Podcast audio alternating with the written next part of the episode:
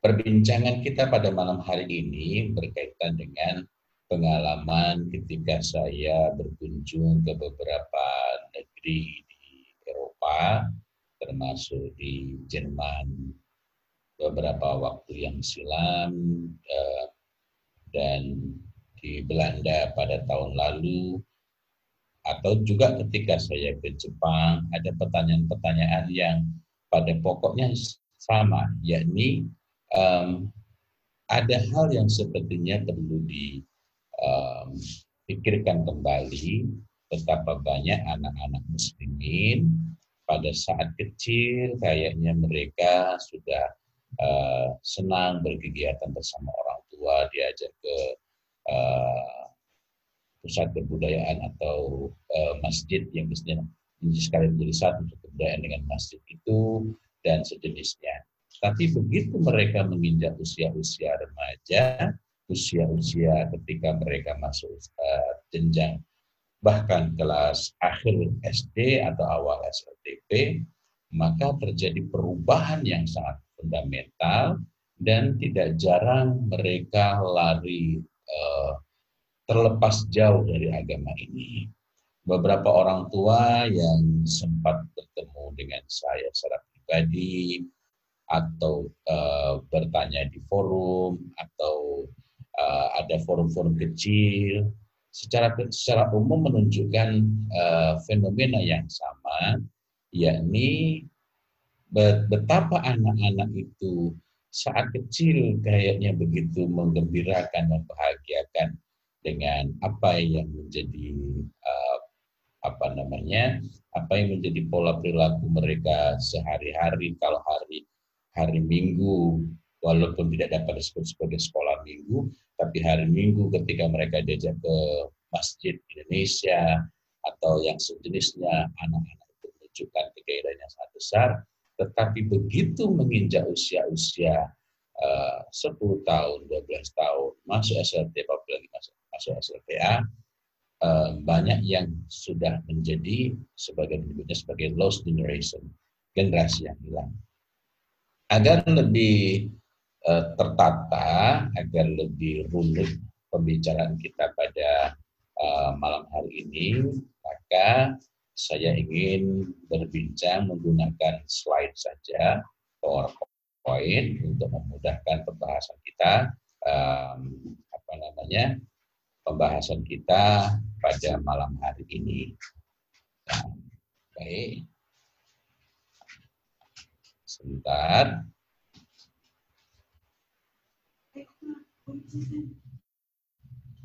Nah, um, sesuai dengan topik yang saya sampaikan sebelumnya, perbincangan pada malam hari ini adalah berkenaan dengan bagaimana menanamkan iman di negeri minoritas muslim. Tentu saja kita tidak dapat menyalahkan masyarakat yang ada di sana, tetapi yang perlu menjadi pertanyaan ialah bagaimana kita menyiapkan diri kita, bagaimana kita menyiapkan anak-anak kita, menyiapkan keluarga kita, agar di tengah masyarakat yang mereka pada sebagai negara dari segi uh, kebiasaan sehari-hari tidak terlalu jauh berbeda daripada sebagai negara uh, sangat bertolak belakang dengan apa-apa yang di, dimaui dari agama ini. Sebelum kita melangkah lebih jauh, yang perlu kita pegangi, perlu kita ingat ialah tidak ada masa yang lebih buruk hingga saat ini, kecuali nanti di akhir zaman yang sudah sangat akhir, itu memang lebih buruk. Tetapi hingga saat ini, tidak ada masa yang lebih buruk dibanding masa ketika Rasulullah Muhammad Sallallahu Alaihi Wasallam diangkat menjadi Rasul. Inilah masa ketika moral itu berada pada titik yang sangat rendah. Dan jangan keliru uh, menganggap bahwa masa itu tidak berkembang ilmu pengetahuan. Bukan. Masa itu justru puncak-puncaknya Eh, kesusastraan. Setiap tahun ada festival sastra yang bertempat di uh, Baitullah di Ka'bah. Para penyair, rawan datang dari berbagai penjuru, dari berbagai belah uh, bumi ini, dan mereka uh, saling beradu kemampuan berbahasa, saling ber, beradu kemampuan bersyair. Masyarakat Mekah pada saat itu mengandalkan penghidupannya dari bisnis, dari trading antar wilayah, antar negara. Jadi mereka bukan uh, bukan bukan wilayah yang menghasilkan uh, produk-produk pertanian dari tempat mereka, tetapi mereka mengandalkan pada perdagangan. Astronomi juga berkembang dengan sangat baik dan seterusnya. Artinya dari secara fisik justru Makkah al-Mukarramah pada saat itu berada pada kondisi puncaknya. Tetapi masa ini sebagai zaman jahiliyah, zaman di mana kebodohan itu uh, dari segi din, kebodohan itu begitu merata dan begitu pekatnya, begitu kuatnya. Tetapi di masa di mana seorang perempuan itu dapat berhubungan dengan banyak laki-laki, ada berbagai macam bentuknya. Dan ketika perempuan itu hamil, maka dia dapat memilih di antara laki-laki yang pernah tidur dengannya. Nah, ini ini yang terjadi pada masa jahiliyah. Dan sangat banyak lagi hal-hal lainnya yang ada pada masa itu. Nah, Masya Allah, yang menarik bagi kita ialah tetapi dengan latar belakang uh, yang seperti itu, dengan keadaan yang seburuk itu, berubah menjadi sebaik-baik generasi. Jadi sebaik-baik generasi adalah generasi didikan Rasulullah Muhammad Sallallahu. Rasulullah uh, menggarap, Rasulullah memperbaiki masyarakat yang jahiliyah itu dengan dakwahnya dan berubah menjadi sebaik-baik generasi hingga akhir zaman tidak ada generasi yang lebih baik. Generasi terbaik dalam Islam ini ialah generasi uh, para sahabat radhiyallahu anhum radhu'an, tabi'in, tabi'ut tabi'in. Tiga generasi terbaik. Tetapi yang perlu menjadi perhatian kita pada malam hari ini ialah generasi terbaik yakni generasi para sahabat radhiyallahu anhum radhu'an lahir dari situasi terburuk, situasi sosiologis yang paling uh, buruk, uh, secara akhlak itu pada titik terendah, dan mereka berubah menjadi generasi terbaik. Nah, ini menarik buat kita untuk kita telusuri apa kunci awal perubahan itu. Kunci awal perubahan itu. Secara sederhana kita dapat mengatakan iman. Iman. Jadi bukan cuma sekedar pola perilaku. Lalu apakah yang dimaksud dengan uh, iman itu? Itu yang nanti akan kita bahas lebih lanjut. Nah, tetapi yang perlu kita pahami saat ini sebelum kita uh, beranjak ke pembahasan lebih lanjut mengenai apa yang dimaksud dengan iman, uh, yang perlu kita catat ialah pada masa-masa awal sebagaimana kita lihat pada ayat-ayat Makiyah ayat-ayat yang turun di Mekah. Ayat-ayat yang turun di Mekah ini pertama redaksinya uh, kepada manusia. Jadi kalau ada sebutan itu ya ayuhan nas, ya ayyuhalladzina amanu. Kemudian yang kedua um, menggunakan kalimat-kalimat imperatif. Iqra, bacalah. Uh, bukan baca itu baik, tapi bacalah uh, menyeru ya ayu al muzammil qum get up now.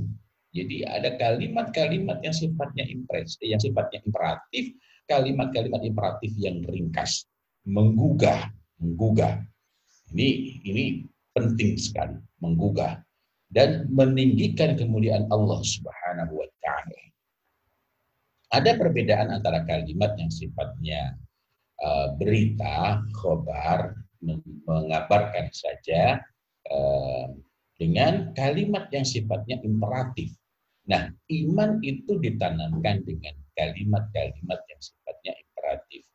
Nah, kita ini lemah, nah, tapi Allah Maha Kuasa. Nah, maka mintalah kepada Allah, berdoalah kepada Allah. Nah, nah kita ini lemah, tapi Allah Maha Kuasa.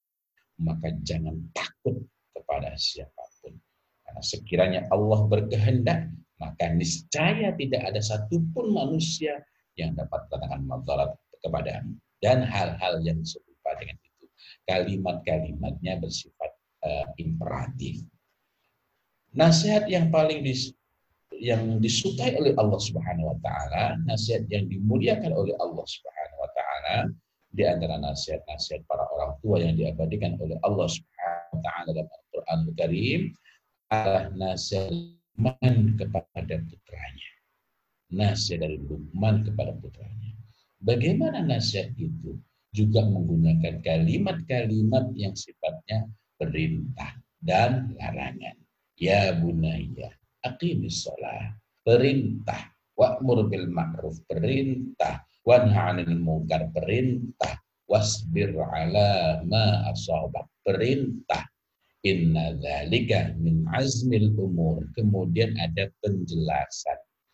Di awal dengan panggilan yang enak, ya bunaya. Panggilan yang penuh sayang. Setelah itu perintah, perintah, perintah, perintah, lalu ada penjelasan. Tampaknya ini yang perlu kita cermati dan saya sendiri sebagai orang tua eh, ketika saya diminta untuk berbicara bukan berarti saya dengan mudah menyampaikan, melainkan ketika saya menulis pun saya uh, merenungi, mengingat kembali apa yang sudah saya lakukan dan tak jarang saya harus banyak-banyak beristighfar ketika menyadari kesalahan dan um, ini merupakan sarana untuk berbenah untuk memperbaiki diri. Saya terus lagi. Di bagian yang lain yang sangat masyhur nasihat dari Lukman itu ya bunaya la tusyrikullah. Panggilannya enak, larangan e, berkenaan dengan tauhid la tusyrikullah. Setelah itu penjelasan. Setelah itu penjelasan. Jadi inna syirka la zulmun azim. Sesungguhnya syirik itu merupakan uh, kezaliman yang sangat besar. Nah, Pola-pola inilah yang kita perlu uh, pegangi, pegangi. Ada orang tua yang lincah memberikan perintah, tetapi tidak diawali dengan panggilan yang enak, dan juga tidak diiringi, tidak disertai dengan penjelasan yang memadai. Nah, tapi kembali lagi pada pembahasan kita, yakni bahwa iman itu ditanamkan melalui uh, kalimat-kalimat yang sifatnya imperatif ringkas, menggugah dan meninggikan kemuliaan Allah Subhanahu wa. Iqra wa rabbukal akram. Bacalah wa rabbukal akram dan Tuhanmu itu uh, maha mulia, maha pemurah. Jadi uh, mulia karena sifat pemurahnya ini yang di, yang ditanamkan, yang disuntikkan, yang di uh, apa namanya, yang digugah ialah menanamkan pada diri ini, menumbuhkan pada diri ini uh, kemuliaan Allah Subhanahu wa taala. Jadi tidak berbicara mengenai zatnya. Terkadang ada orang tua ingin menanamkan iman kepada anak tetapi dengan menerangkan zat Allah. Dan akhirnya sesuai dengan apa yang disampaikan, pertanyaan anak juga berkenaan dengan zat Allah. Ketika anak bertanya tentang zat Allah, oh, kelimpunganlah para orang tua ini. Nah, yang yang mestinya kita lakukan ialah sebagaimana yang dilakukan oleh Rasulullah Muhammad SAW ketika Ibnu Abbas ini masih kecil dan mulai fasih berbicara, maka uh, beliau ini memberikan nasihat. Jagalah hak-hak Allah. Niscaya Allah akan menjagamu. Jadi di sini uh, kalimatnya imperatif dan berkenaan dengan apa yang perlu kita lakukan, tetapi itu bukan bebanan-bebanan uh, kegiatan fisik saat itu juga ya nah tadi sempat kita singgung mengenai apakah iman itu iman itu sering dirumuskan sebagai al yaqinu kullu keyakinan yang total keyakinan yang menyeluruh Apakah yakin itu? Yakin itu bila syak. Tidak uh, disebut yakin itu apabila tidak ada keraguan sama sekali. Jadi kalau kita masih mengatakan uh, sebentar, itu kalau nggak salah di Quran apa di hadis ya, padahal ternyata di Quran juga nggak ada, di hadis juga nggak ada, melainkan hanya perkataan-perkataan yang kita uh, ingat. Nah, maka ini uh, bukan yakin, bahkan seandainya itu ada dalam Al-Quran atau ada dalam hadis. Tapi kita uh, sebentar itu kalau nggak Quran dan itu ya di hadis.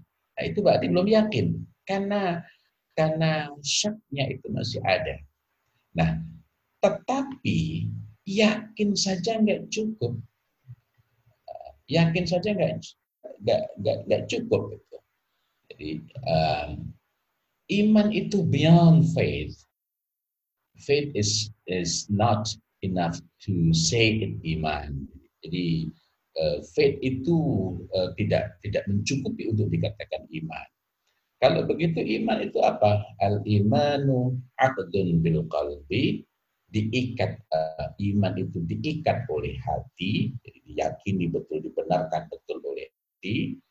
Wa iqrarun bil lisan dan diikrarkan bukan cuma diucapkan. Diikrarkan itu we declare uh, we make any promise. Jadi kita mendeklarasikan menyatakan mengokohkan dengan lisan kita. Wa amalun bil arkan dan dilakukan uh, diwujudkan dalam tindakan-tindakan fisik kita dengan demikian kita tidak dapat mengatakan uh, ya kita nggak bisa mengukur iman seseorang iman dalam hati. Itu bisa betul, bisa salah. Tapi keadaan sesungguhnya memang kita tidak tahu. Tetapi iman itu merupakan satu paket, satu kesatuan antara apa yang ada dalam hati, apa yang terucap, dan uh, apa yang dilakukan dalam bentuk tindakan-tindakan fisik. Suatu ketika uh, ada orang-orang Arab Badui datang menemui Rasulullah Muhammad Wasallam menyatakan sudah beriman. Allah Subhanahu Wa Taala katakan tidak, itu belum beriman, itu baru berislam. Artinya mengikrarkan, tetapi belum hati itu belum sampai. Orang-orang munafik, munafikin itu amalia zahirnya jadi amal amal dengan arkannya itu, masya Allah baik. Dalam tanda petik serupa dengan mukminin, dengan orang-orang beriman, tetapi hatinya tidak membenarkan. Jadi ini merupakan satu. Dengan demikian yang perlu kita pahami ialah urusan awal kita berkenaan dengan iman itu adalah bagaimana mengikatkan menanamkan dalam hati anak-anak kita termasuk diri kita sendiri. Jadi akadun qalbi atau ulama eh, menggunakan ungkapan tasdiqun biqalbi dibenarkan oleh hati. Nah, dibenarkan oleh hati. Dan dengan dan ini memberikan kepada kita. Inilah yang perlu kita urusi pertama kali. Jangan tergesa-gesa uh, untuk uh, apa namanya untuk memusatkan perhatian untuk menyibukkan diri kita kepada bagaimana anak-anak itu di usia-usia masih dini uh, bergegas uh, bersemangat Eh, melakukan eh, ibadah-ibadah mahdoh sehari-hari. Nah, jangan tergesa-gesa. Batas antara eh, bersegera dengan tergesa-gesa. Bersegera itu harus, tapi bukan tergesa-gesa. Adalah waktu dan kesiapan. Waktu untuk memulai mengajarkan sholat, misalnya telah ditetapkan oleh Rasulullah Muhammad SAW, maka janganlah mendahuluinya. Nah, janganlah mendahuluinya Nah, sebelum saya lanjutkan, masih berkenaan dengan keyakinan tadi, um, ada yang sangat menarik berkenaan dengan pembagian tahapan-tahapan kehidupan manusia. Usia 6 atau 7 tahun, jadi Ini masih ada kaitannya dengan kenapa kita uh, kaitkan dengan perintah untuk menyuruh anak sholat itu. Anak itu mulai disuruh sholat pada masa tamjiz. Apakah tamjiz itu? Tamjiz itu kemampuan membedakan baik dan buruk, benar dan salah dengan akalnya. Dengan akalnya. Itu berarti kita perlu mempersiapkan anak-anak kita agar dia mampu uh, mampu menilai dengan akalnya. Untuk mampu menilai itu berarti akalnya harus hidup. Maka menanamkan sesuatu itu bukan hanya serangkaian instruksi-instruksi, bukan hanya serangkaian pembiasaan-pembiasaan, melainkan juga Eh, berkenaan juga dengan menghidupkan akal. Agak melompat sedikit berkenaan dengan ini. Suatu saat anak saya sekarang sudah kuliah, waktu itu saya jemput dari sekolah, lihat orang pacaran. Sembunyi-sembunyi kalau di sini ya. Ah, saya nggak tahu kalau di sana. Maka dia heran, kenapa itu? Kenapa itu? Saya tidak dapat menjawab secara langsung saat itu. Tetapi mengabarkannya juga dapat menjadi masalah, menjadi musibah di kemudian hari yang itu efeknya sangat serius. Maka saya perlu berpikir uh, dan perlu uh, apa namanya mempersiapkan diri saya agar saya dapat me, mengajak anak saya, menerangkan anak saya, menerangkan kepada anak saya dan bukan cuma sekedar menerangkan alias memberikan bayar kepada anak saya, melainkan juga harus menghidupkan akalnya. Jadi karena itu saya tanyain, itu kok sembunyi-sembunyi kenapa? Uh, kenapa? Uh, yang secara sederhana itu menjadikan anak yakin bahwa itu tidak tepat. Nah, nanti ketika kita menerangkan kepada anak dan bukan sekedar menerangkan, melainkan juga menghidupkan akalnya dalam konteks di sana tentu saja uh, memerlukan formulasi uh, apa namanya stimulasi rangsang yang berbeda, tetapi poin pokoknya tetap sama, yakni yang kita gunakan sebagai pintu untuk menjelaskan itu tidak boleh menyelisih Al-Quran surat An-Nisa ayat 9 di bagian terakhir wal yaqulu qawlan. Jadi jangan menggunakan alasan yang memang bukan alasannya misalnya sudah boleh masih kecil. Kenapa? Kalau itu alasannya masih kecil, maka begitu alasan kecilnya ini sudah hilang, dia sudah nggak kecil lagi, maka yang dulu terlarang jadi boleh. Siapa yang mengatakan begitu? Orang tua orang tua. Auzubillah min dzalik, summan auzubillah min dzalik. Karena itulah kita perlu dan kita harus menerangkan itu semua dengan yaqulu qaulan sadida, berbicara dengan perkataan. Perkataan yang benar dari segi tuntunan eh, syariatnya dan perkataan yang benar dari segi bagaimana kita menilai sesuatu uh, itu. Jadi kalau misalnya menjumpai anak uh, membaca atau melihat sesuatu yang tidak baik, kita tidak dapat mengatakan nggak boleh masih kecil kamu nggak jangan lihat itu karena maksiat itu misalnya terlarang bagi anak kecil dan terlarang juga buat lansia bukan berarti kalau sudah lansia boleh maksiat ya. nah kita masalah perbincangan mengenai hal ini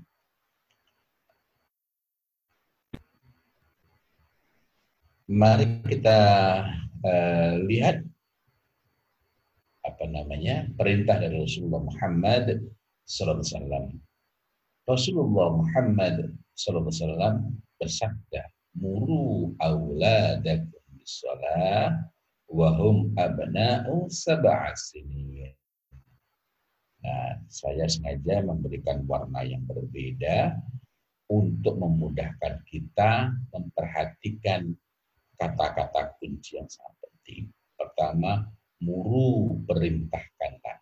Jadi bukan anjuran, bukan ajakan, bukan saran, tetapi perintah.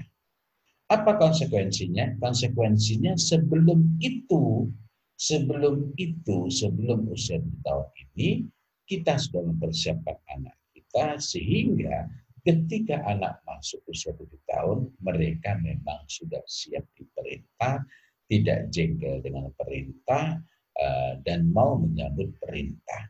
Nah, mudah-mudahan kita dapat membicarakannya secara lebih uh, rinci mengenai um, hal ini ya. Nah kemudian di usia berapa itu? Sabah sini ketika telah berumur tujuh tahun. Nah di poin berikutnya ini menjadi tantangan tersendiri meskipun pada sisi lain ini bukan bersifat um, gimana saya agak susah menyebutkannya dan pukullah mereka ketika berusia 10 tahun jika mereka meninggalkan sholat dan pisahkan tempat tidur mereka antara anak laki-laki dan perempuan. Maksudnya pukullah itu bukan berarti fokus kita pada memukul, tetapi ini sebagai penegakan disiplin, dan nanti kita akan bicarakan lebih lanjut insya Allah. Nah, dari uh, hadis tadi ada beberapa hal yang perlu kita catat pertama sebelum anak berumur tujuh tahun. Jadi kan e, muru auladakum. Perintahkanlah anakmu itu di usia berapa? Tujuh tahun. Kalau begitu sebelum tujuh tahun apa ya? Kita tidak boleh memerintahkan mereka. Ngajak boleh. Ayo nak, sholat ayo itu boleh. Tetapi tidak boleh memerintah. Kenapa? Karena belum umurnya. Karena e, kita belum punya hak untuk memerintahkan kepada mereka, dan kita eh, dapat mereka eh, menggembirakan mereka dengan sholat, maka mereka juga masih dapat mengatakan aku nggak mau.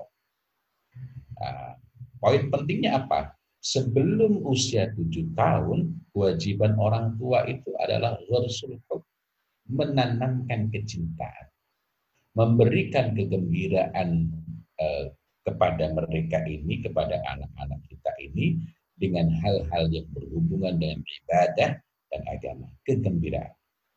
Tetapi jangan lupa, maksudnya bagaimana? Kita memberikan kegembiraan kepada mereka dengan suasana masjid misalnya, harus uh, berangkai dengan ikatannya, yakni iman. Artinya kalau kita mengajak, yuk uh, maksudnya dia menemukan kegembiraan ketika bapaknya sujud dia bisa menaiki punggungnya bisa menaiki lehernya dan ikatannya itu iman ikatan oleh ibadah. Yuk maksudnya nanti asik bagaimana kita bisa sholat. Uh, bukan uh, bukan mengikatkan diri dengan apa-apa yang tanpa disuruh anak pasti akan menyukainya nanti atau bahkan saat apa saja itu hal-hal yang berkenaan dengan syahwat termasuk dengan makanan. Kita memberikan uh, mereka makanan yang mereka sukai tetapi tidak menjadi pengikat hatinya tidak menjadi motivasi yang menggerakkannya untuk diajak ke tempat-tempat uh, yang baik itu misalnya masjid ya. Jadi hal-hal yang berhubungan dengan syahwat apalagi yang sudah ditetapkan secara khusus oleh Allah Subhanahu wa taala zayyana lin-nasi syahawat dan seterusnya itu uh, gak pakai didorongkan pun, gak pakai ditumbuhkan pun, gak pakai disuruhkan pun, nanti pasti anak dan kita semua akan menyukainya, akan tertarik kepadanya. Ya. Jadi nggak perlu dijadikan sebagai uh, pengikat dan menjadi uh, apa namanya mengaitkan apa kegembiraan yang kita berikan itu dengan hal-hal tersebut. Kita bisa mengajak anak kita jalan-jalan, kita bisa memberikan mereka makanan, tetapi pengikatnya tetaplah uh, iman dan pengikatnya tetaplah agama ini. Allah a'lam bishawab. Kemudian kalau anak itu sudah masuk usia 7 tahun, apa yang perlu kita perhatikan?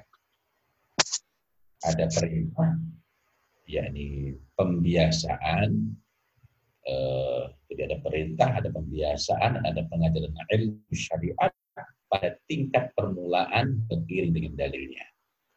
Ini mungkin agak rumit kalau kalau mendengarnya. Saya ingin cerita sejenak. Dulu ketika saya masih kecil di kampung, usia tujuh tahun itu atau enam tahun anak-anak biasanya mulai ngaji eh, kitab-kitab pengantar fikih yang sederhana. Um, saya tidak ingat secara keseluruhan apa saja, tapi itu ada uh, biasa kita sebut ngaji sulam, sulam sabina, yang itu sifatnya ialah uh, pelajaran fikih mulai bagaimana cara bersuci, apa yang menyebabkan seseorang terhadas, uh, macam-macam hadas, kemudian macam-macam najis, uh, kemudian membedakan antara najis dengan najis. mutan najis itu sesuatu yang terkena najis. Contoh, ada uh, makanan terbungkus, di luarnya ada najis.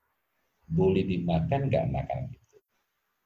Nah, kalau ini mutan najis, ini ini pelajaran dulu ketika kami masih anak-anak. Nah, najisnya dibersihkan atau dibuang. Kan ada najis di bungkusnya. Dibuka bungkusnya, dibuang dalamnya kena najis enggak? Nah, artinya kalau bukan najis dihilangkan najisnya maka dia sudah menjadi halal. Tapi kalau itu najis haram untuk dimakan. Jadi ini ini pelajaran pelajaran yang kami terima dulu waktu masih anak-anak umur 6 atau 7 tahun. Nanti begitu selesai satu kitab tipis, maka berlanjut pada kitab berikutnya. Anak-anak itu ngaji uh, dan ada yang mengampu, biasanya kiai-kiai di kampung atau uh, anak-anaknya kiai. Gitu.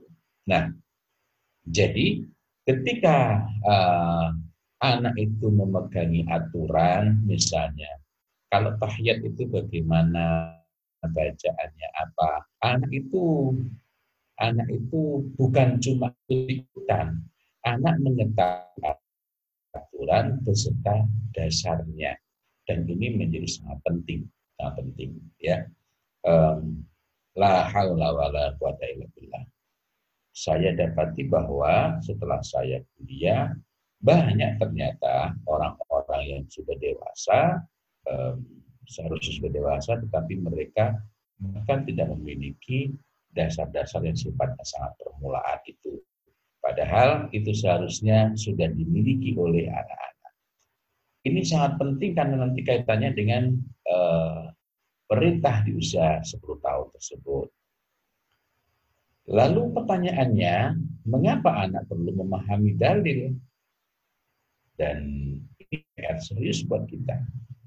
Hari ini jangankan anak-anak, orang dewasa pun sangat banyak yang tidak tahu, tidak mengerti, tidak mengerti. Um, contoh sederhana, uh, tapi ini bukan untuk diskusi kita pada malam hari ini. Banyak dari kita yang tidak bisa membedakan antara homer dengan alkohol. Homer dengan alkohol mengira bahwa alkohol itu identik dengan homer yang mutlak haramnya itu homer. Alkohol itu nanti uh, luas pembahasannya. Ini bukan pembahasan kita saat ini. ya. Nah, mengapa anak itu perlu memahami dalil? Pertama, dalil itu bertingkat-tingkat.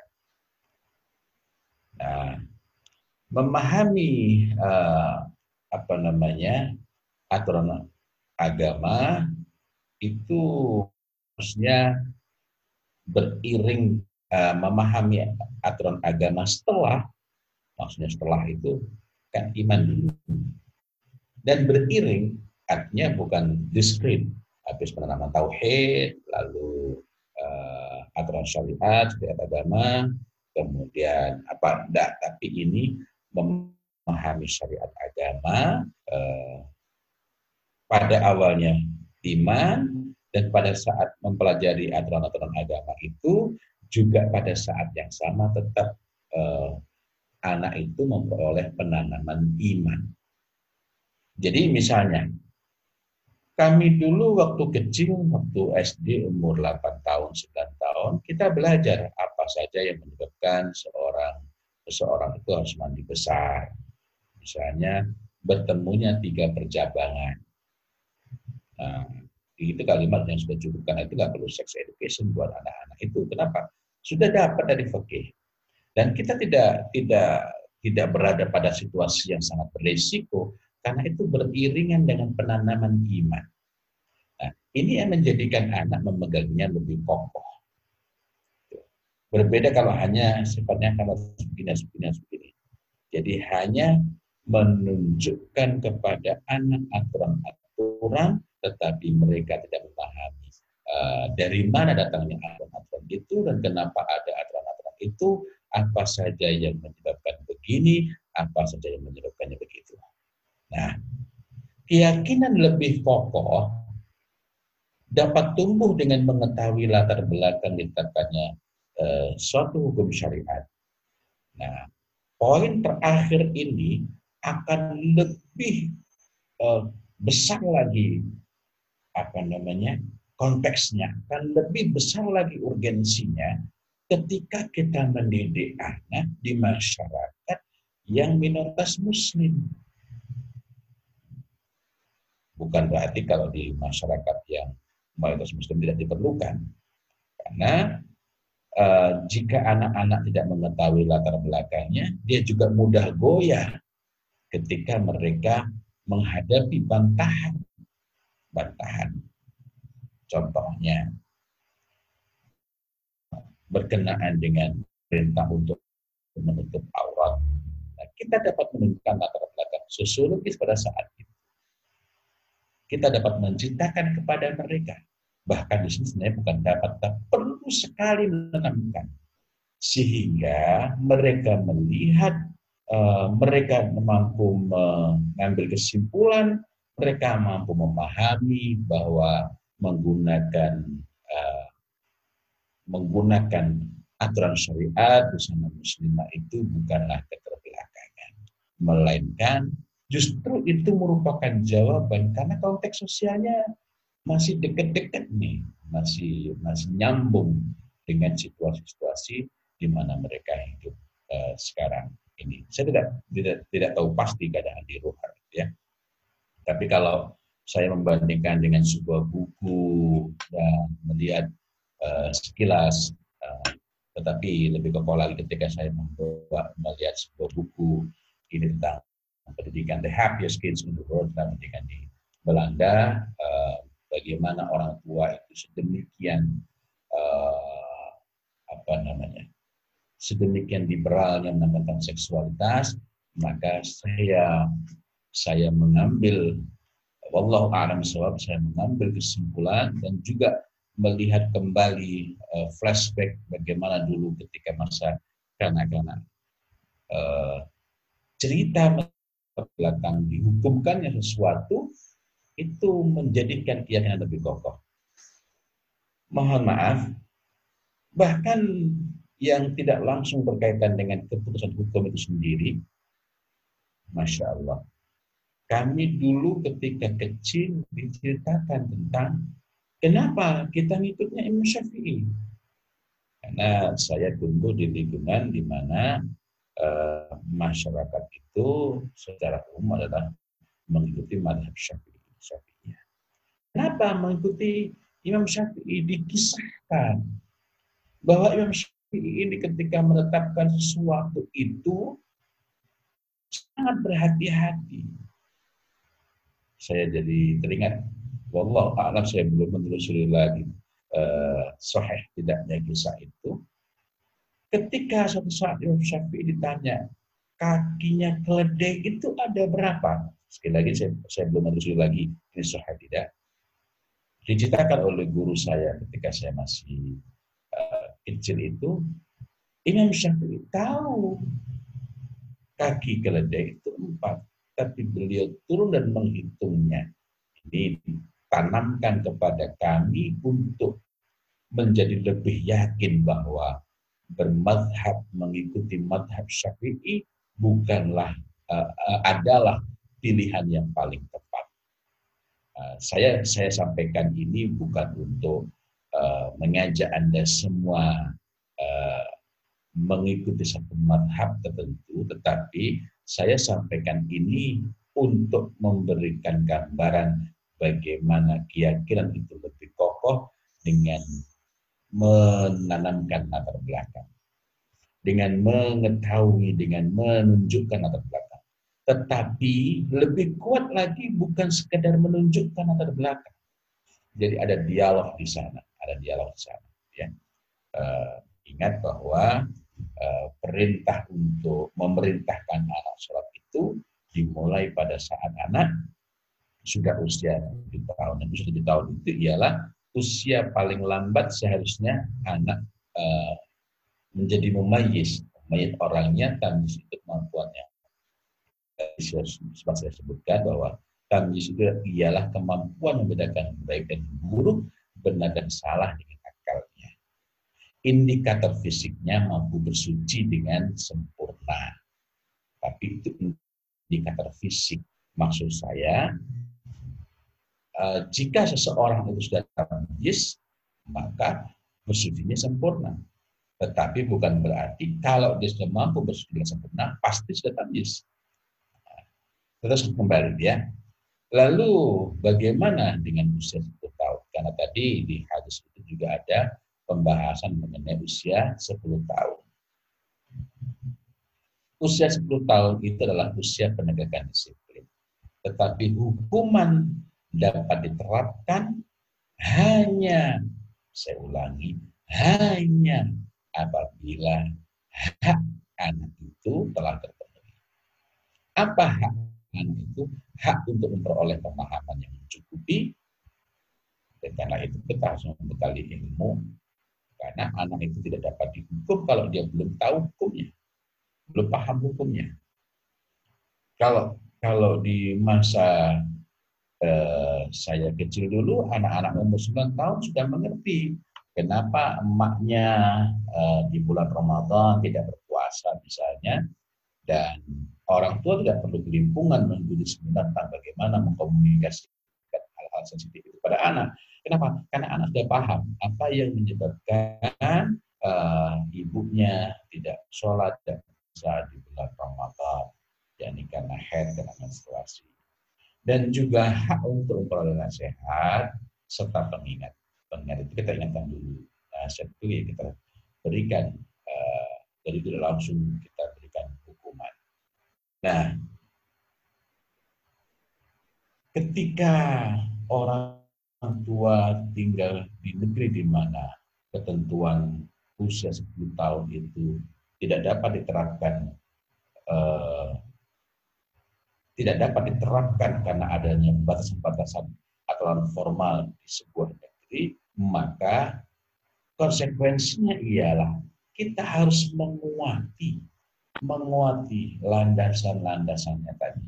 Sehingga 10 tahun itu harusnya kan 10 tahun itu memang tidak sampai terjadi hukuman. Itu, itu hanya hanya diterapkan apabila uh, anak sudah paham dan anak uh, melalaikan secara sengaja secara nah,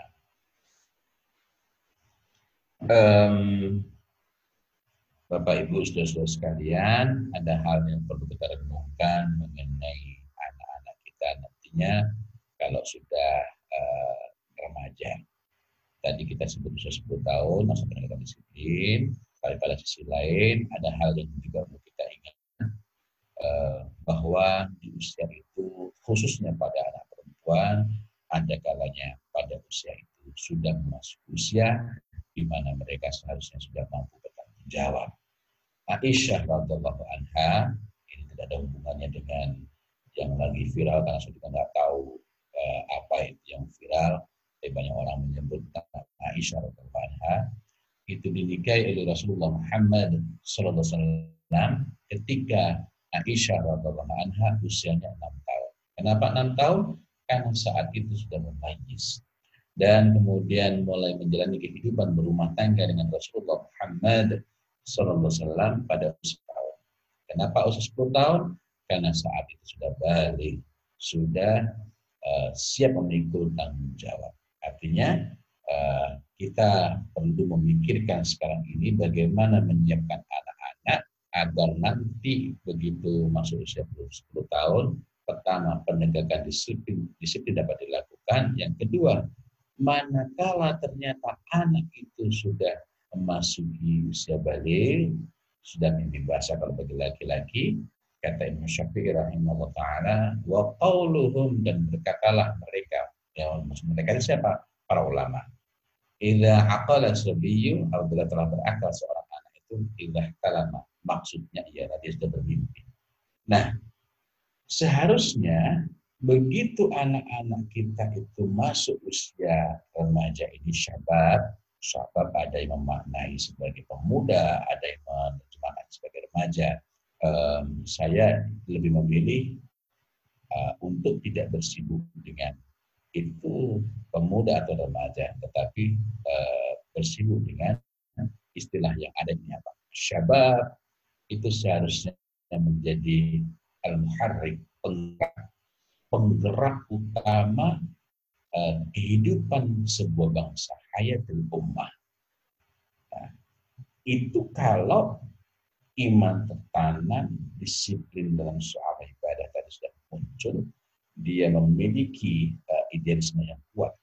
Tetapi jika tidak, maka usia-usia ini, usia-usia ini sebagaimana di, di, diperingatkan oleh Tahla bin Abi Safra ta'ala adalah syubbah minal junun. Masa-masa di mana mereka guncang, mereka terkembang ambing, uh, mereka berada pada uh, junun, cabang-cabang dari kegilaan-kegilaan. Tentu saja bukan ini yang kita inginkan. Yang ideal adalah mereka menjadi penggerak utama kehidupan bangsa, tetapi jika tidak kita siapkan, maka mereka justru usia tersebut uh, menjadi usia yang sangat rawan, usia yang sangat mengkhawatirkan karena syubhat junun. Um, ada hal yang mungkin tidak menyenangkan dengan pembahasan ini. Maksud saya begini, saya sering mendengar di mana-mana Eh, betapa yang penting itu teladan. Itu betul. Saya tidak mengingkari pentingnya teladan, tetapi teladan itu tidak cukup. Saya jadi teringat eh, dialog saya dengan para orang tua eh, di beberapa kota di Jerman. Saya tidak perlu sebutkan eh, rincinya dan juga di beberapa tempat lagi di Eropa yang mereka sudah seperti sudah menjadi warga negara sana, uh, sudah berpuluh tahun di sana, mereka menunjukkan keteladanan, menunjukkan uh, kegairahan, semangat untuk melakukan kegiatan-kegiatan keagamaan, tetapi uh, dalam sejumlah kasus ditunjukkan, disampaikan bahwa anaknya tidak mengerti sama sekali. Nah, dan ini tidak mengejutkan. Karena sesungguhnya menjadi orang tua yang baik tidak cukup untuk menyiapkan anak jadi pribadi yang baik. Kalau kita perhatikan pada sejarah para nabi pun ada yang eh, bapaknya baik, ibunya baik, tetapi anaknya tidak serta-merta menjadi baik. Adalah Nabi Ya'qub alaihissalam. Masya Allah. Namanya Nabi gak mungkin gak baik. Pasti sangat baik tapi anak-anaknya yang baik dari awal sejak kecil adalah Yusuf dan Bunyamin. Sementara anak-anak yang lain ini perlu perjuangan panjang. Ya. Nah, orang tua yang baik dengan perhatian yang baik belum tentu mampu mengasuh anak dengan baik. Karena itu kita perlu terus menerus belajar dan tidak eh, tidak lengah. Ingat eh, di, di dalam Quran Surat An-Nisa ayat 9 itu perintah pertama adalah khasyah wal yakhsha. Khasyah itu dekat kepada Allah dan pada sisi lain konsekuensinya ialah kita merasa takut, tidak merasa uh, telah cukup, tidak merasa telah uh, aman dengan apa yang dilakukan pada anak-anak. Sehingga kita perlu terus-menerus berbenah. Dan kemudian tengoklah dengan Quran surat Al-Isra ayat 64 betapa kita perlu berhati-hati dalam soal mendidik anak-anak kita. Karena itu ini merupakan kesempatan bagi kita untuk belajar, menggali, menggali, menggali, dan menggali lagi dari agama ini. Uh, penting sekali meningkatkan kapasitas orang tua dalam nah, dan itu kita gali agama ini sedapat mungkin. Bukan berarti saya anti dengan uh, literatur-literatur uh, kekinian. Saya pun tadi membaca uh, buku ini, karena ini uh, adalah hadiah, dan saya juga membaca literatur-literatur lain. Saya uh, sering kali uh, berkomunikasi berhubungan dengan uh, rekan saya, teman saya, sahabat saya di Birmingham untuk memesan buku-buku uh, dari sana, terutama buku-buku psikologi berkenaan dengan parenting. Artinya saya mengatakan begini bukan berarti uh, bersikap jumut tertutup dengan apa yang yang kekinian, tetapi mari kita ingat perintah Allah Subhanahu wa taala Quran An-Nisa ayat 9 di bagian kedua falyattaqullah maka bertakwalah kepada Allah. Bertakwa dalam konteks sebagai orang tua berarti kita perlu memahami apa yang diperintahkan oleh Allah Subhanahu wa taala Rasulnya berkenaan dengan anak ini. Uh, berikutnya lagi uh, yang perlu kita renungi ialah tingginya kepatuhan orang tua untuk dipercaya trustworthiness tidak dengan sendirinya menjadikan orang tua dipercaya oleh anak. Padahal uh, pengaruh dua kunci pengaruh orang dan ini semakin semakin terasa konteksnya ketika kita tinggal di masyarakat di mana kita tidak memiliki uh, apa namanya tidak memiliki uh, apa, kekuasaan untuk memaksa anak-anak kita ya karena anak-anak kita itu uh, telah dibentengi oleh sejumlah aturan-aturan hukum di negara itu ini berbeda dengan uh, orang tua di semua negara. Maksud saya, saya bukan mengatakan bahwa tinggal di masyarakat yang yang tidak mengizinkan uh, pemaksaan itu buruk, tetapi itu justru menegaskan betapa sangat pentingnya bagi kita para orang tua untuk menumbuhkan, untuk membangun dua hal ini apa itu fiqah dan hormat. Fiqah itu trust. Setiap anak itu lahir dengan kepercayaan yang bulat kepada orang tua. Sampai orang tua itu merusaknya. Dengan apa merusaknya? Dengan menyelisih perintah Allah Subhanahu wa taala dalam Quran surat ayat 9. Wal yaqulu qawlan sadida. Anak minta diberikan sesuatu. Mohon anak ya, bapak nggak punya uang Padahal dia punya uang. Begitu anak tahu ternyata bapak punya uang, maka hilanglah kepercayaan. Kalau begitu apakah kita harus nada menuruti? Tidak. Justru ketika kita tidak menuruti itulah kita memiliki kesempatan untuk memberikan burhan, memberikan uh, memberikan alasan yang benar, bukan yang dibuat-buat, membangun argumentasi pada diri anak. Ingat sekali lagi saya ulang-ulang berkali-kali bahwa di antara uh, tanggung jawab kita ialah menjadikan anak, menyiapkan anak agar pada usia 6 tahun, selama menjadi tahun, betul-betul sudah menjadi majis, dan nantinya anak itu akhir dari akan sampai. Kemudian berikutnya adalah hormat. Hormat itu respect. Al-hormat khair minat Respect is much more better than obedience. Nah,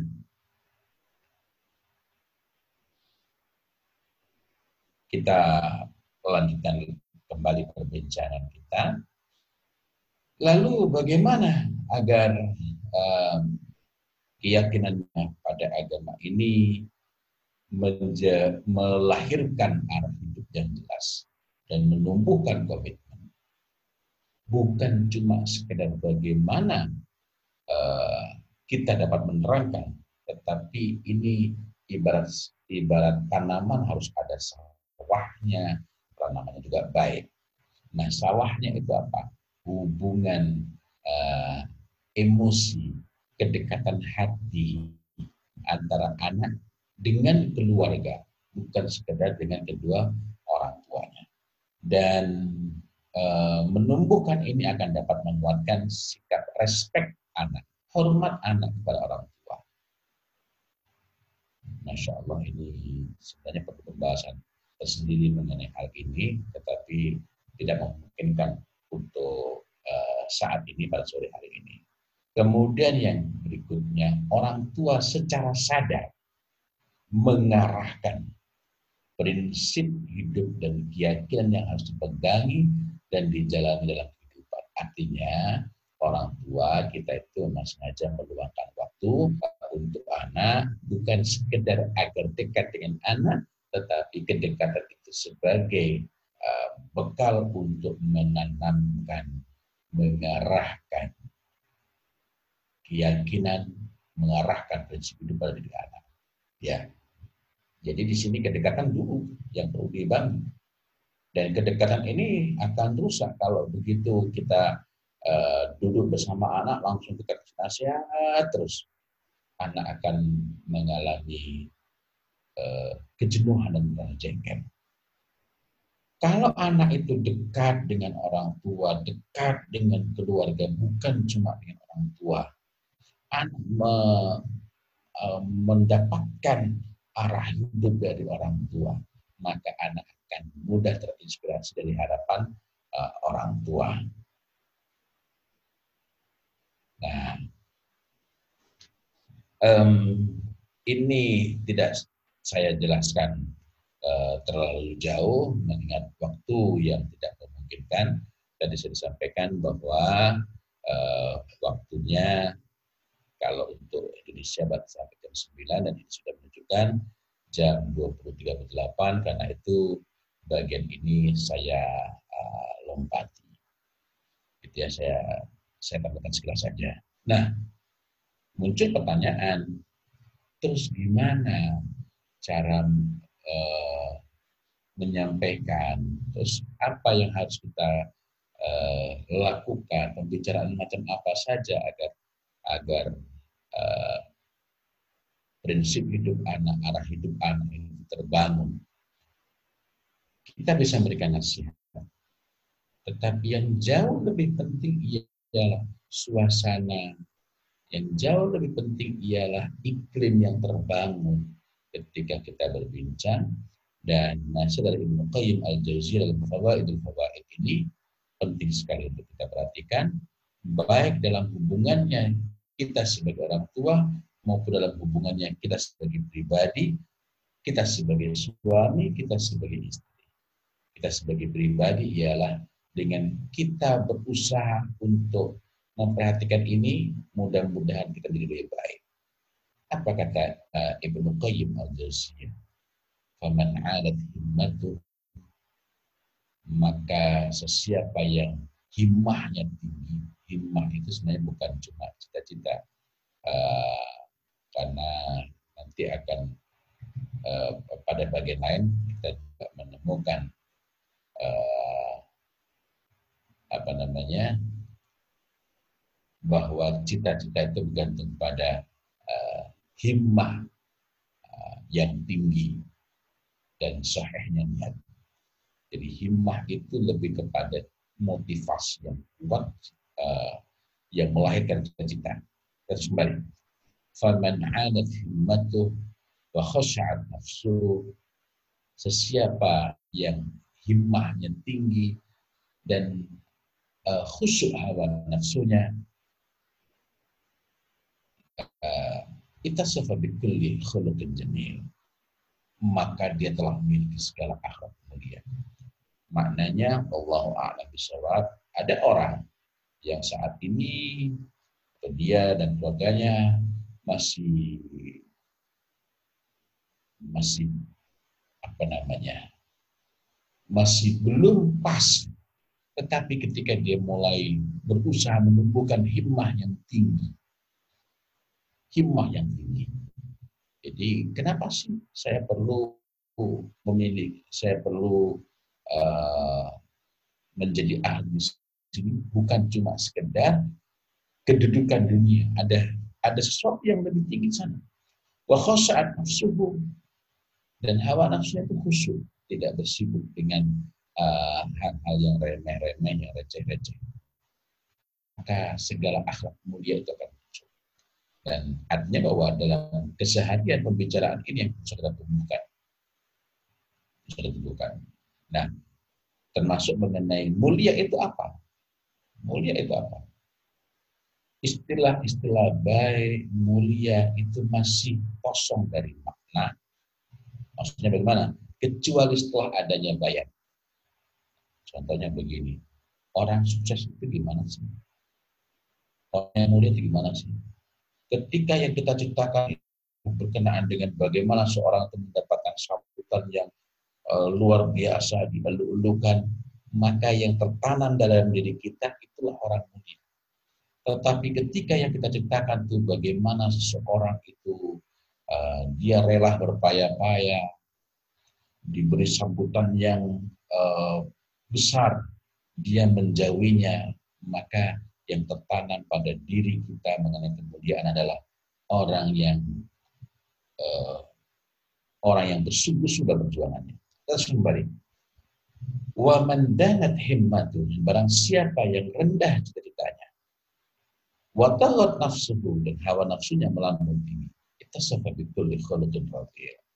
Maka walaupun dulunya baik, kalau setiap kali yang dibicarakan itu hanyalah himmah yang uh, ecek-ecek, maka pelan-pelan uh, akhlaknya akan menuju kepada yang tercela. Wallahu a'lam bishawab. Um, sebenarnya masih banyak yang dapat kita perbincangkan, tetapi uh, tidak memungkinkan kesempatan pada malam hari ini karena tadi juga diingatkan ada sesi tanya jawab. Karena itu eh, saya mohon maaf bahwa saya akhiri pembahasan ini untuk ada waktu 15 menit kira-kira eh, atau 10 menit untuk berdialog. Tafadhol. Ya, terima kasih Ustadz atas kajiannya. Uh, benar sekarang kita akan memasuki sesi tanya jawab uh, kepada para jamaah bisa langsung menanyakan di kolom chat. Ya kebetulan Ustadz kita sudah mendapatkan satu pertanyaan ini dari Rina Tiara Bahrun. Saya akan bacakan. Jazakallah yeah. khair Ustadz atas pemaparannya. Barakallah. Izin Ustadz, izin bertanya Ustadz, di batas mana orang tua sebaiknya tahu kadar atau intensitas nasihat yang disampaikan ke anak-anak. Karena khawatir ya. jika terlalu banyak atau cerewet dan bertubi-tubi menyebabkan anak malah tidak menerima dan tidak menangkap poin-poin kebaikan yang ingin kita tanamkan kepada mereka. Iya. Nasihat itu uh, ada beberapa prinsip yang kita perhatikan. Pertama, nasihat itu selain harus benar, juga harus sabar menyampaikan. Yang kedua juga penuh kasih sayang. Kemudian yang ketiga, uh, yang ketiga hendaklah wa ringkas padat dan mudah dimengerti.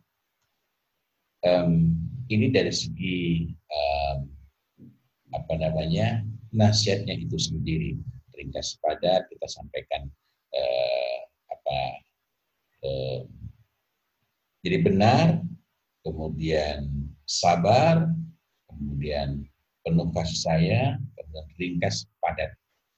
Ringkas padat.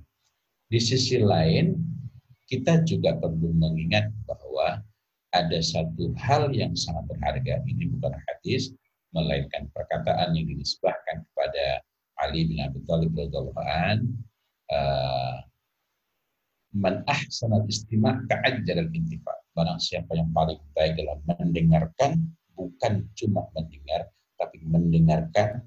Mendengarkan itu artinya baik intention. Kita memang, memang memiliki intensi untuk mendengarkan, kita merespon. Ta'ajjal intifak. Maka uh, kita akan maka kita akan memperoleh manfaat yang segera manfaat ini besar. Apa pelajarannya? Kadang-kala yang kita perlukan itu bukan berbanyak nasihat, dan sering kali memang demikian. Karena nasihat itu harusnya lawat dan ringkas padat. Tetapi ketika anak merasa didengarkan, merasa ditanggapi, ada orang tua yang jarang memuji anak. Saya bukan melarang memuji, tapi ada orang tua yang jarang memuji anak. Dia tidak tidak uh, bukan termasuk yang dikit-dikit luar biasa, hebat. Tetapi ketika anak bercerita, dia menunjukkan apa namanya, menunjukkan antusiasmenya. Anak merasa diterima, anak merasa dihargai. Eh, sehingga ketika orang tua memberikan nasihat, itu akan mudah masuk. Ya, mudah masuk. Nah, kemudian perlu kita ingat juga bahwa di antara nikmat penduduk surga nantinya, mudah-mudahan kita semua nanti termasuk penduduk surga, ada surga, surga dengan istri kita, suami kita, dan keturunan kita seluruhnya. Nah, di antara uh, nikmat penduduk surga itu mereka akan saling berkunjung. Untuk apa berkunjung? Ngobrol. Ngobrol. Jadi bukan bukan diskusi, bukan seminar, seminar itu hanya saat ini ya. Uh, ngobrol. Nah, yang menarik ialah banyak dari kita yang mengatakan baiti jannati, rumahku surga. Tetapi hampir nggak pernah ngobrol. Apa sih ngobrol itu? Perkataan yang apa namanya pembicaraan yang mengalir, yang uh, menyenangkan, Eh, dan bukan soal wal jawab, tanya jawab. Kamu dari mana? Nah, ada suasana ngobrol. Nah, tadi saya sempat sempat sebutkan, sempat sampaikan, akrab itu perlu, tapi walaupun tidak seperti tidak seperti kalimatnya, tapi sekedar akrab nggak cukup. Ngobrol itu penting, tapi sekedar sekedar uh, sering ngobrol dekat tuh nggak cukup perlu secara sadar menanamkan nasihat. Nah, pada saat ngobrol itulah kita sampaikan. Tetapi kalau kita hanya menyampaikan nasihat sementara kedekatannya tidak ada, anak tidak merasa nyaman, maka saat-saat mendengarkan nasihat adalah saat-saat yang paling melelahkan buat anak. Ada orang tua ingin anaknya baik, ngajak anaknya jalan-jalan, anak udah senang dengarnya, Ternyata begitu masuk mobil sampai tempat tujuan dinasihati terus. Anak trauma. Anak nggak mau lagi. Mari kita tengok uh, bagaimana Rasulullah Muhammad Wasallam uh, ketika ketemu dengan uh, seorang anak, beliau bertanya, anak ini suka main burung, main burung. Hari itu uh, beliau melihat anak ini tidak membawa burungnya, tidak bermain dengan burung. Ya Umair, bagaimanakah dengan Nugair burungnya? Burungnya. Um, tampaknya sepele, tetapi apa poin pentingnya? Ini menunjukkan bahwa Rasulullah Muhammad Wasallam perhatian dengan minat anak, dengan kesenangan anak, dengan kebiasaan anak. Ini ditanyakan, ditanyakan.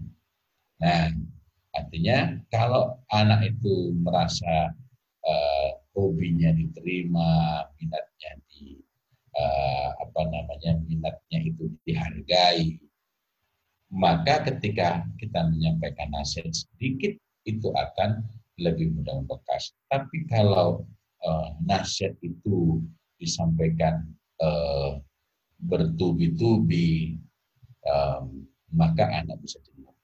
Di luar itu, eh, kita juga perlu memperhatikan bahwa dalam memberikan nasihat, dalam memberikan nasihat kita perlu me, apa namanya, perlu mempertimbang, perlu apa sebutannya, tiga hal. Pertama adalah rifak. Apa rifak itu? Rifak itu, rifku itu lembut, tetapi berkaitan dengan keramahan dengan suasana yang uh, tanpa prasangka.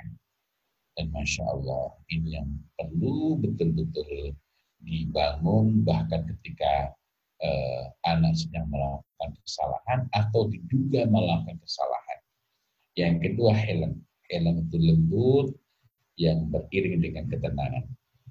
Jadi ketika kita bertanya pada anak di sebuah uh, catatan sendiri buat saya, uh, kita tidak mudah tersulut. Kemudian yang ketiga itu adalah lain. Lain itu apa? Lembut dalam berbicara. Lembut dalam bertutur. Disebut lain itu ialah apabila terbebas dari dua penyakit. yakni fadlan, kasar kata, dan ghalidul qalbi. Nah, um, ghalidul qalbi itu keras hati. Nah, um, ini uh, rambu-rambunya. Jadi secara sederhana memberikan nasihat yang ringkas, padat, dan penuhi uh, unsur-unsur lainnya. Wallahu a'lam Ya, insya Allah terjawab ya. Uh, mungkin dari jamaah lain yang ingin menanyakan kepada Ustadz bisa langsung ditulis di kolom chat. Oke, sambil kita menunggu pertanyaan, ada pertanyaan sendiri dari saya, Ustadz. Kebetulan ya. saya kan, saya belum berkeluarga, Ustadz. Saya masih sendiri, Ustadz. Tapi saya dari tadi dengerin, saya jadi berpikiran bahwa untuk mencapai jadi orang tua itu benar-benar butuh tahap yang banyak dan emang it's not an easy, it's not a simple way gitu loh. Bahkan saya juga uh, dari, dari sekarang kan sudah berpikiran kan apakah nanti bagaimana cara berkeluarga, bagaimana untuk menjadi cara suami yang baik dulu kan. Jadi kayaknya emang benar-benar ada layer tersendiri ya Ustaz ya untuk menjadi ayah gitu loh, bukan bukan cuma seorang suami. Ya. Emang harus um, sangat menarik bahwa kalau kaitannya dengan tadi pertanyaan mengenai ayah, bahkan ketika kita berbicara mengenai uh, mendidik anak itu kewajiban bapak, tapi yang paling berhak adalah ibu. Dan ketika kita berbicara mengenai kegagalan dalam mendidik anak, uh, ada ada pertanyaan dari Rasulullah SAW mengenai siapakah orang yang mandul itu. Uh, para sahabat mengatakan orang yang mendidik anak. Tapi tengok, mari kita perhatikan bahwa uh, yang dimaksud dengan orang yang mandul itu ialah yang ditunjuk di sini yang mendidik anak kan uh, kedua orang tuanya. Kullu mauludin yuladu ala fitrah. Fa'abawa maka kedua orang tuanya. Tetapi ketika ada masalah, anak-anak itu punya banyak anak tapi anaknya tidak ada satu pun yang bermanfaat pada kedua orang tuanya, selamanya tiada, tidak mendoakan mereka, tidak ada kesolehan, maka di situ yang ditunjuk oleh Rasulullah Muhammad SAW dalam hadis riwayat Muslim, kalau yang tadi bahwa orang yang mandul adalah orang yang tidak uh, yang mempunyai banyak anak tapi anaknya tidak memberi manfaat apa pun bagi kedua orang tuanya, itu dalam hadis yang berbeda, ya. Tapi bukan saling bertentangan. Nah, dalam hadis ini Rasulullah Muhammad SAW menunjuk laki-laki, menunjuk bapaknya. Ya. Jadi problem itu penyebab yang ditunjuk di awal adalah orang mandul adalah seorang laki-laki yang tidak mampu memberikan apa pun kepada anaknya. Yang dimaksud dengan tidak mampu memberikan apa pun ini apa? Bukan berarti soal harta. Karena soal harta nafkah itu seukur kemampuannya. Tetapi memberikan hak-hak anak di luar harta. Ya, memberikan ibu yang baik. Maksudnya memberikan ibu yang baik itu bagaimana? Bukan berarti kalau ibunya nggak baik lo ganti ibu tidak. Karena kan uh, ibu tidak bisa gonta ganti. Melainkan bahwa ibu cuma satu. Nah, nah uh, melainkan bahwa kita yang harus memberi, uh, apa namanya menyiapkan ibunya itu agar mampu mendidik anak-anaknya dengan baik. Itu berarti kita perlu memiliki kapasitas ilmu. Dan ini tanggung jawab serius buat para bapak, buat para calon bapak untuk mempelajari apa saja yang uh, menjadi tanggung jawabnya nanti. Dan beberapa lagi kewajiban lainnya yang kita tidak bisa membicarakannya secara uh, detail pada uh, pada saat ini. Tetapi mari kita perhatikan berikutnya. Rasulullah Wasallam bertanya kepada para sahabat, siapa orang yang perkasa itu? Maka Abdullah bin Mas'ud radhiyallahu kami menjawab, maksud kami menjawab itu adalah para sahabat uh, radhiyallahu anhum bahwa orang yang perkasa itu ialah laki-laki yang tidak terkalahkan. Maka Nabi Shallallahu Alaihi Wasallam mengatakan, "Laisa bidzalik, walakinnahu alladhi yamliku nafsahu 'indal ghadab." Jadi bukan begitu, tapi orang yang perkasa itu ialah orang yang yamliku nafsahu 'indal ghadab yang dapat mengendalikan dirinya ketika sedang marah. Hari ini ada laki-laki, ada beberapa jangankan marah dalam keadaan tidak marah saja tidak dia tidak dapat mengendalikan dirinya. Hmm. Maksudnya ini keadaan yang sangat buruk.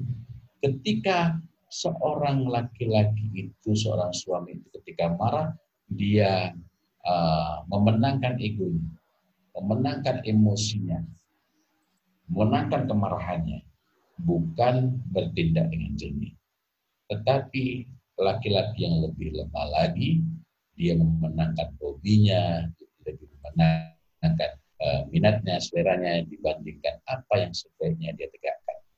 Nah, Allah a'lam um, itu apa namanya yang dapat saya uh, jawab berkenaan dengan pertanyaan tersebut.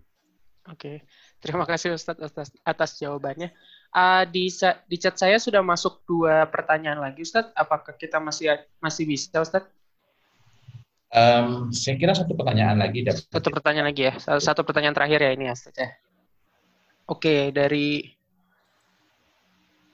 dari Bang Bang Haikal ada pertanyaan, Ustadz, apa yang harus orang tua lakukan untuk anak usia tujuh tahun kedua jika indikasi kesadaran keimanan belum tampak. Dan bagaimana cara menjelaskan ten tentang hak-hak Allah di usia tersebut sebagaimana Ustaz sebutkan tentang hak-hak Allah tadi. Ya, pertama berarti kita sendiri perlu menginventarisir apa itu hak-hak Allah. Kemudian yang kedua, jika kita merujuk kepada uh, nasihat Rasulullah SAW kepada Ibnu Abbas radhiallahu titik tekannya ialah pada menanamkan keyakinan mengenai pengawasan Allah, kekuasaan Allah sehingga anak itu nantinya menjadi pribadi yang tidak mudah gentar oleh keadaan dikarenakan yakinnya kepada Allah Azza wa Jalla. Dikarenakan kokohnya sikapnya kepada Allah Subhanahu wa taala. Nah, um, kemudian yang ketiga berkenaan dengan pertanyaan yang lebih awal lagi adalah bagaimana kalau anak itu belum uh, tumbuh kesadaran, maka kita yang perlu meluangkan waktu lebih uh, lebih serius, kita menggali kenapa itu belum ada dan mana yang perlu kita uh, benahi.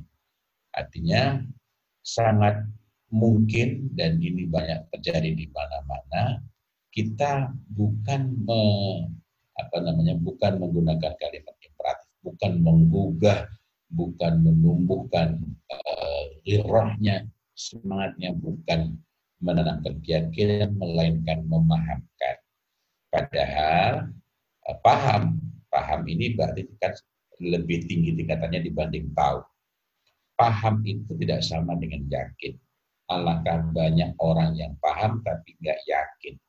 Yakin itu tidak dapat dikatakan dia beriman. Karena beriman itu adalah al-yakinu kulluh. Nah, artinya uh, harus beriringan. Tetapi yakin, ada orang memiliki keyakinan tanpa pemahaman. Ini juga menjadi musibah. Karena itu, jika sekiranya ini tadi, kok kesadarannya belum ada, mohon maaf kalau saya melompat menggunakan istilah psikologi, kesadaran itu ada pada ranah apa? Kalau kita pakai yang paling klasik saja lah taksonomi, taksonomi belum. Ranahnya bukan kognitif, ranahnya afektif. Uh, ini kalau saya boleh pakai istilah itu ya. Artinya uh, kalau kembali kepada pembahasan dari agama, zuknya ini, uh, zuknya ini uh, yang perlu disentuh dan berikutnya lagi disebut menghidupkan akal. Kalau kita menjelaskan itu yang didapatkan apa oleh anak? Yang didapatkan adalah pemahaman atau bahkan lebih rendah lagi sekedar tahu. Sekedar tahu tidak sama dengan hidupnya akal. Lalu dari mana pintunya agar akal itu hidup? Pintunya ialah dengan mengajukan pertanyaan-pertanyaan. Allah a'lam ya. Masya Allah. Bahkan satu ketika seorang remaja, seorang pemuda datang ke Rasulullah Muhammad Sallallahu Alaihi minta izin berzina. Oleh Rasulullah tidak tidak kemudian dibentak, dimarahi tidak. Tapi diajak dialog. Dialog yang terarah. Dialog yang terarah. Jadi um, ini menuntut kita untuk mau belajar lebih lanjut agar dapat mengajak anak berdialog. Dan kita akan sulit sekali, susah sekali berdialog dengan anak kalau kita sudah emosi duluan. Uh, saya menyampaikannya bukan bukan uh, me, apa namanya merujuk terlalu jauh. Saya sendiri mengalami itu. Alhamdulillah anak saya tujuh ya.